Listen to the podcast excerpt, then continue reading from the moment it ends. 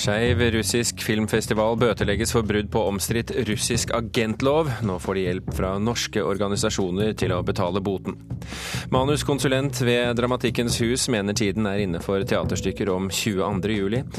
Og Nasjonalbiblioteket er på jakt etter 315 000 flyfotografier. Frykter mange av dem kan være godt tapt. Du hører på Kulturnytt med Birger Kolsrud Aasund i studio. Norske homofile er med å betale boten til en russisk filmfestival. I Russland er det ikke lenger lov å bedrive det som kalles homofil propaganda overfor unge mennesker. Og den skeive filmfestivalen Side by Side er nå stemplet som utenlandsk agent og dømt til å betale tilsvarende 21 000 dollar i bot. Nå stiller altså norske homoorganisasjoner opp for å støtte det de mener er angrep på kunstnerisk frihet og ytringsfrihet i Russland. Yes, artistic uh, freedom is. Manny DeGear er grunnlegger av den russiske filmfestivalen Side by Side, som er en internasjonal filmfestival med filmer av, om og med homofile, lesbiske, bifile og transpersoner. Uh, Sammen med leder av filmfestivalen, Gulja Sultanova, var grunnlegger Mary DeGear i Oslo denne helga i forbindelse med filmfestivalen Skeive filmer. Um, uh, I en av Side by Sides kampanjevideoer står en mann med et regnbueflagg i hendene. Russland har i løpet av det siste året gjort flere lovendringer som ifølge Side by Side bidrar til å begrense både ytringsfrihet og kunstnerisk frihet i landet. In, in the kind of projects that are being chosen are things to do with patriotism, nationalism. So all these kinds of ideas uh, are being limited. Ifølge den omstridte antihomopropagandaloven risikerer man i Russland i dag bøter om man snakker positivt om homofili i det offentlige rom. I tillegg har den såkalte utenlandsk agentloven gjort det vanskeligere for organisasjoner med pengestøtte fra utlandet å eksistere i Russland. Hvis organisasjonene ikke melder ifra om slik pengestøtte, blir de stempla som utenlandske agenter og bøtelagt.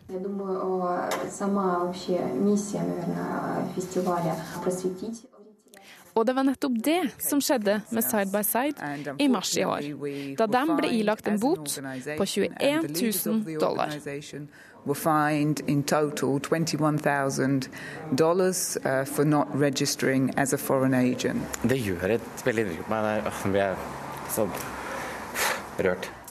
Nei, det, er, det, viser jo liksom hvor viktig det er med en sånn festival. Det er ikke bare underholdning vi, vi driver med. Vi, det sier Bård Idén, festivalleder og programansvarlig i Skeive filmer.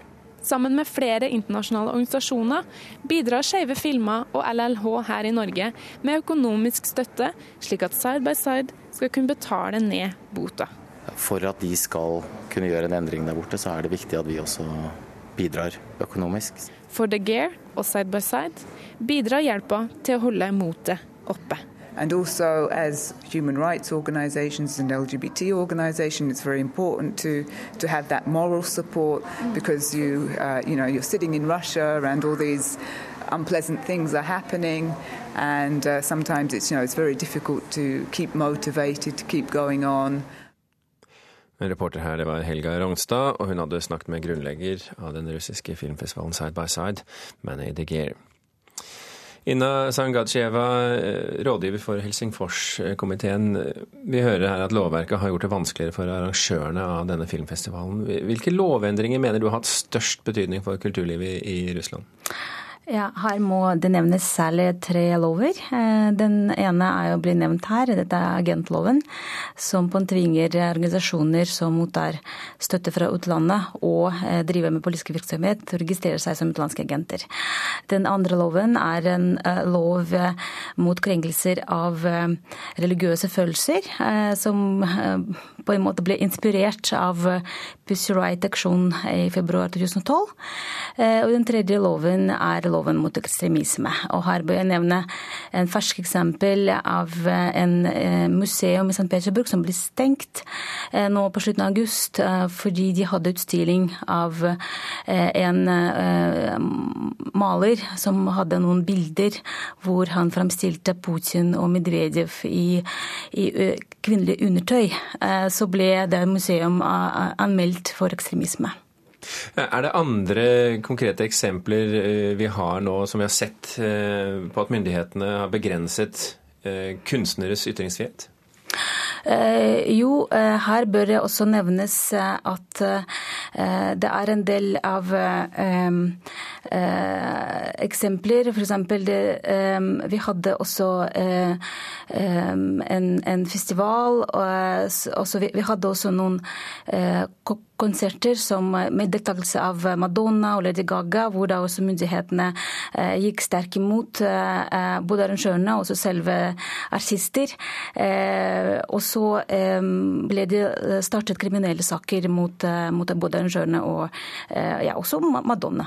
Det har, det har kommet lover fra, fra Dumaen initiert av president Putin. Hvordan plukker myndighetene, de lokale myndighetene opp og, og behandler disse eh, lovene, eller, eller kunst, kunst eh, og kulturuttrykk eh, under disse lovene? Eh, jo, altså um, uh, det, det, er nok at uh, lovene er uh, vedtatt. etterpå så har de sånn symboleffekt, smitteeffekt, hvor det er også disse grupper som deler statlige verdisyn på hvordan moral og kultur skal arrangeres i Russland. Og da særlig bør jeg nevne her Kirken, som står sterk fremdeles. Det er nasjonalistiske grupper. og så er det um, kosakkene, som er selv erklært moralpoliti i Russland, som kan eh, ved flere anledninger faktisk dukket opp på noen utstillinger og på teater. Eh, Hvem er kosakkene i dagens Russland? Ja, Det er altså eh, selv erklært moralpoliti. Ja, altså som, som kommer med lovene i hender og, og mener de har legitimt grunnlag for å bestemme hvordan eh, kulturlivet, altså eh, kunstnere, skal oppføre seg. Hvordan er oppslutningen blant russere flest da, om disse lovene i dagens samfunn? Eh, dessverre så de fleste russere støtter lover, men man må forstå at russere er vant til å ha lovene og Eh, bli skrevet opp ned på dem. Så det er jo ikke noe eh, tradisjon eh, blant russere å ha diskusjon. Ikke åpen diskusjon, så klart, men det som har vært alltid til tradisjon i Russland, er å, å ha en slags kjøkkenprotest. Også teater har også vært arena for, for motstand. Men også har vi i Helsingforskomiteen observert at det, det de siste året har kommet flere og flere deltakere for demonstrasjoner som også, også, vi kan også se at eh, den, de siste lovene som også rammer LGBT-samfunnet, også um, førte til flere, at flere har kommet ut på gatene. Ina Sangachieva, tusen hjertelig takk for at du var med i Kulturnytt. Takk.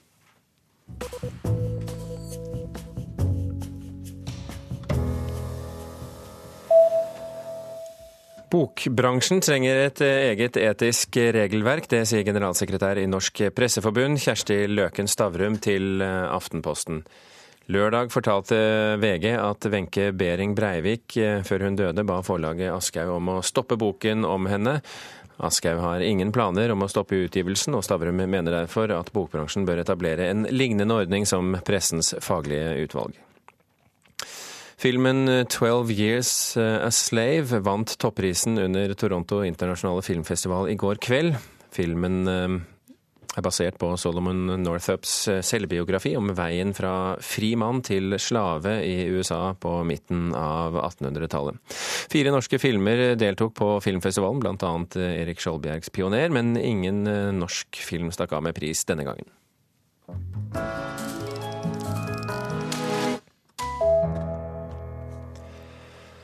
Tiden er inne for å sette opp teaterstykker som tar opp 22. juli som tema.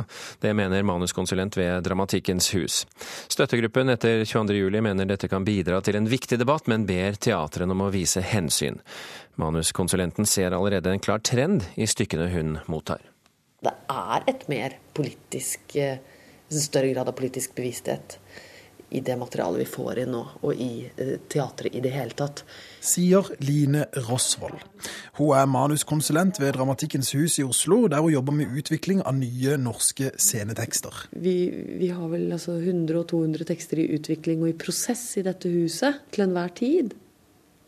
Så sånn sett så kan vi lese av tendenser. Rosvold forteller at Dramatikkens hus nå får inn færre stykker om familieproblematikk, og mer tekster som tar opp politiske og samfunnsmessige problemer. Men hun vet ikke om dette er et direkte resultat av 22. juli. Men man kan se avskygningene av 22. juli i det politiske, eller i det, det, den nyskrevne dramatikken nå. Og i det, de sceniske løsningene. Tror du at, det er, at tida er moden for å sette opp mer stykker som, som eksplisitt tar opp temaet? Ja, ja, det tror jeg. Jeg gir et stykke som dette som har liggende her, der. Vi sitter på kontoret til Karl Morten Amundsen. Han er sjefdramaturg ved Det Norske Teatret, og er til enhver tid med å vurdere hva slags stykker som skal settes opp. Vi må jo ikke, må jo ikke komme i den situasjonen at vi er nå eh, aktivt lar være å ta bort noe fordi det er ubehagelig.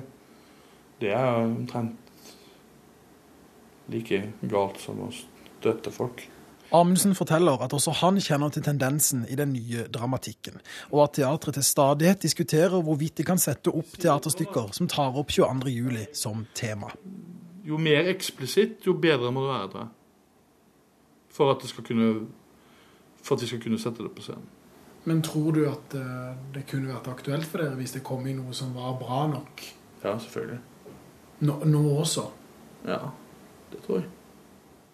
Det er klart at det å ha en bok kontra det å ha eh, et teaterstykke som er mye mer eh, eh, Altså det å se ting gir mye sterkere inntrykk, ikke sant? Og det blir en helt annen framføring enn det å sitte og bla i en bok. Trond Blattmann er leder for den nasjonale støttegruppa etter 22. juli. Han tror teater kan bidra til noe viktig, så lenge det gjøres på riktig måte. For oss er det viktigste at man kan skape debatt om, om høyreekstremisme og høyreekstreme holdninger. Eh, ikke om massemorderen, for han trenger ikke mer publisitet. Det har han fått nok av. Blattmann mener det er viktig å vise hensyn. Eh, og Det er tross alt en god del mennesker her som, som, sliter eh, med det som skjedde, og som kommer til å slite lenge med det som skjedde. Og Det er klart at det er mange måter å sette opp et teaterstykke på uten nødvendigvis å ramme hardt. Eh, jeg tenkte faktisk på det på, på vei øh, da jeg satt i flyveren på vei hertil. Danske Christian Lollicke er en av dem som har satt opp teater om 22.07 med hans stykke Manifest 2083. Han tror også mer teater om dette kan skape en viktig debatt. Uh, jamen at finne, forsøge stadigvæk å finne øh, vinkler på det som kan blottlegge ny viden, uh, eller sette det i en interessant uh, kontekst i forhold til den øvrige høyredreining i Europa. Så hva mener egentlig sjefdramaturg Amundsen at teatret kan bidra med i denne sammenhengen?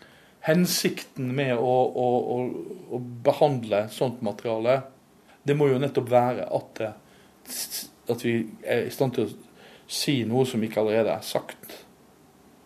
Altså se på en annen måte. Reporter her i denne saken, det var Christian Ingebretsen. Simke Bønisch, eh, teaterviter og førsteamanuensis ved Universitetet i Agder. Er det på tide at norske teatre griper tak i 22. juli-traumet? Ja, jeg tenker slik som, som manuskonsulenten ved Dramatikkens hus også er inne på, og eh, også sjefdramaturgen ved Det Norske Teatret, at jeg tenker nå har det gått over to år. Dommen har falt for over ett år siden, og det ser ut som om teaterkunstnerne nå er villige til å gå inn i dette. Men hva kan teatret bidra med, rent konkret, etter store traumer som dette? Ja, eh, Spørsmålet er jo hva teater kan som andre medier eller kunstarter ikke kan eller ikke kan så godt. Eh, og da vil jeg si for det første at eh, teater kan skape en helt konkret form for eh, offentlighet.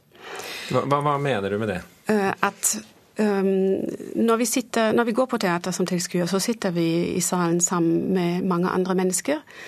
Og på scenen står også mennesker. Og dette er automatisk nødvendigvis en sosial situasjon. Altså Teatrets estetiske praksis vil alltid også være en sosial praksis. Og det er en ganske, ganske spesifikk konstellasjon som, som, man kan bruke men, i i denne gjør, sammenheng. Men gjør det det bedre for de som deltar, å tenke på og kontemplere, for å si det sånn, over, over disse traumene? Altså det gir jo for det første en mulighet til at tematikken kommer nær på en spesiell måte. Eh, det er skuespillerne på scenen som, som kroppsliggjør tematikken for oss. På, det kan skje på mange forskjellige måter, men uansett hvilken teaterestetikk som brukes, så er det skuespillerne på scenen som, som bruker sin kroppsliggjøringskunst. Og dermed blir en tematikk også menneskeliggjort.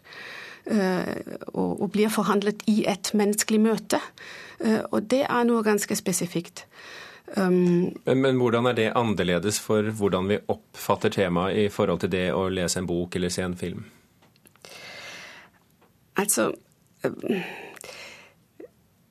Jeg tenker det er, det er f.eks. relevant at den kroppsliggjøringen og den, den konkrete tilværelsen i rommet eh, gjør at vi som tilskuere blir ansvarliggjort på en annen måte. Eh, at vi deltar i en offentlig situasjon her. Vi ikke sitter tilbakelent eh, foran TV-en eller alene med en bok. Det er, det er, reaksjoner i salen, det er faktisk kommunikasjon som foregår mellom, mellom scene og sal, som, som, gjør at vi bidrar i en, i en offentlig kontekst. Men så, så kan den kroppsliggjøringen også føre til at at kompleksitet eller komplekse spørsmål blir fremstilt ganske så anskuelig. Og det tror jeg er spesielt viktig her, fordi terrorisme prøver jo alltid å ødelegge kompleksitet. Mm. Og det, det, er ikke lett å, å konfrontere seg og ta inn over seg komplekse saksforhold. Eh, hva tror du er grunnen til at nå flere dramatikere synes å, å ta tak i et mer politisk ståsted, noe som nærmer seg 22.07 som tema? Ja, på lik linje med, med uh, manuskonsulenten på Dramatikkens hus vet jeg jo ikke om dette virkelig skyldes 22. juli, men det er egentlig rimelig å anta. Dramatikerne er del av denne verden. Er, de er like sterke berørte som vi alle har vært og fortsatt er. Og jeg antar at det er et, et helt konkret behov til å bidra i denne situasjonen. Og så kan det selvfølgelig også være andre aspekter som spiller inn, som den eh, generelle utviklingen i Europa f.eks., eh, som, som gjør at samfunnspolitiske tema kommer med på dagsordenen. Simke Bøners fra Universitetet i Agder, tusen hjertelig takk for at du var med i Kulturnytt. Takk. Klokken er eh, litt over ti på halv ni. Du hører på Kulturnytt, og dette er toppsakene i NRK Nyheter akkurat nå. Det er lite sannsynlig at eh, KrF går i regjering med Frp, det sier Knut Arild Hareide. Likevel går han inn i sonderinger om ny regjering med åpent sinn. Familien til Sigrid Giskegjerde Skjetne håper på nye opplysninger når rettssaken starter i dag. Agnes Ravatn er kjent som essayist og spaltist i flere medier, men hun er også romanforfatter. Hennes andre roman heter 'Fugletribunalet' og er annerledes enn det vår anmelder hadde ventet seg. Debutromanen til Agnes Ravatn het 'Veke 53'. Den handlet om den fordrukne læreren Georg og var breddfull av halsbrekkende svart komikk. Årets roman, 'Fugletribunalet', er noe annet. Den er et tett og skummelt kammerspill. Et spenningsfylt og erotisk møte mellom en kvinne og en mann. Rent romanteknisk låner Ravatn denne gang fra mer etablerte kollegaer som Ibsen, og kanskje spesielt fra de av hans dramaer som preges av en langsom avsløring av hemmeligheter fra fortiden, som ligger utenfor det vi får se utspille seg på scenen.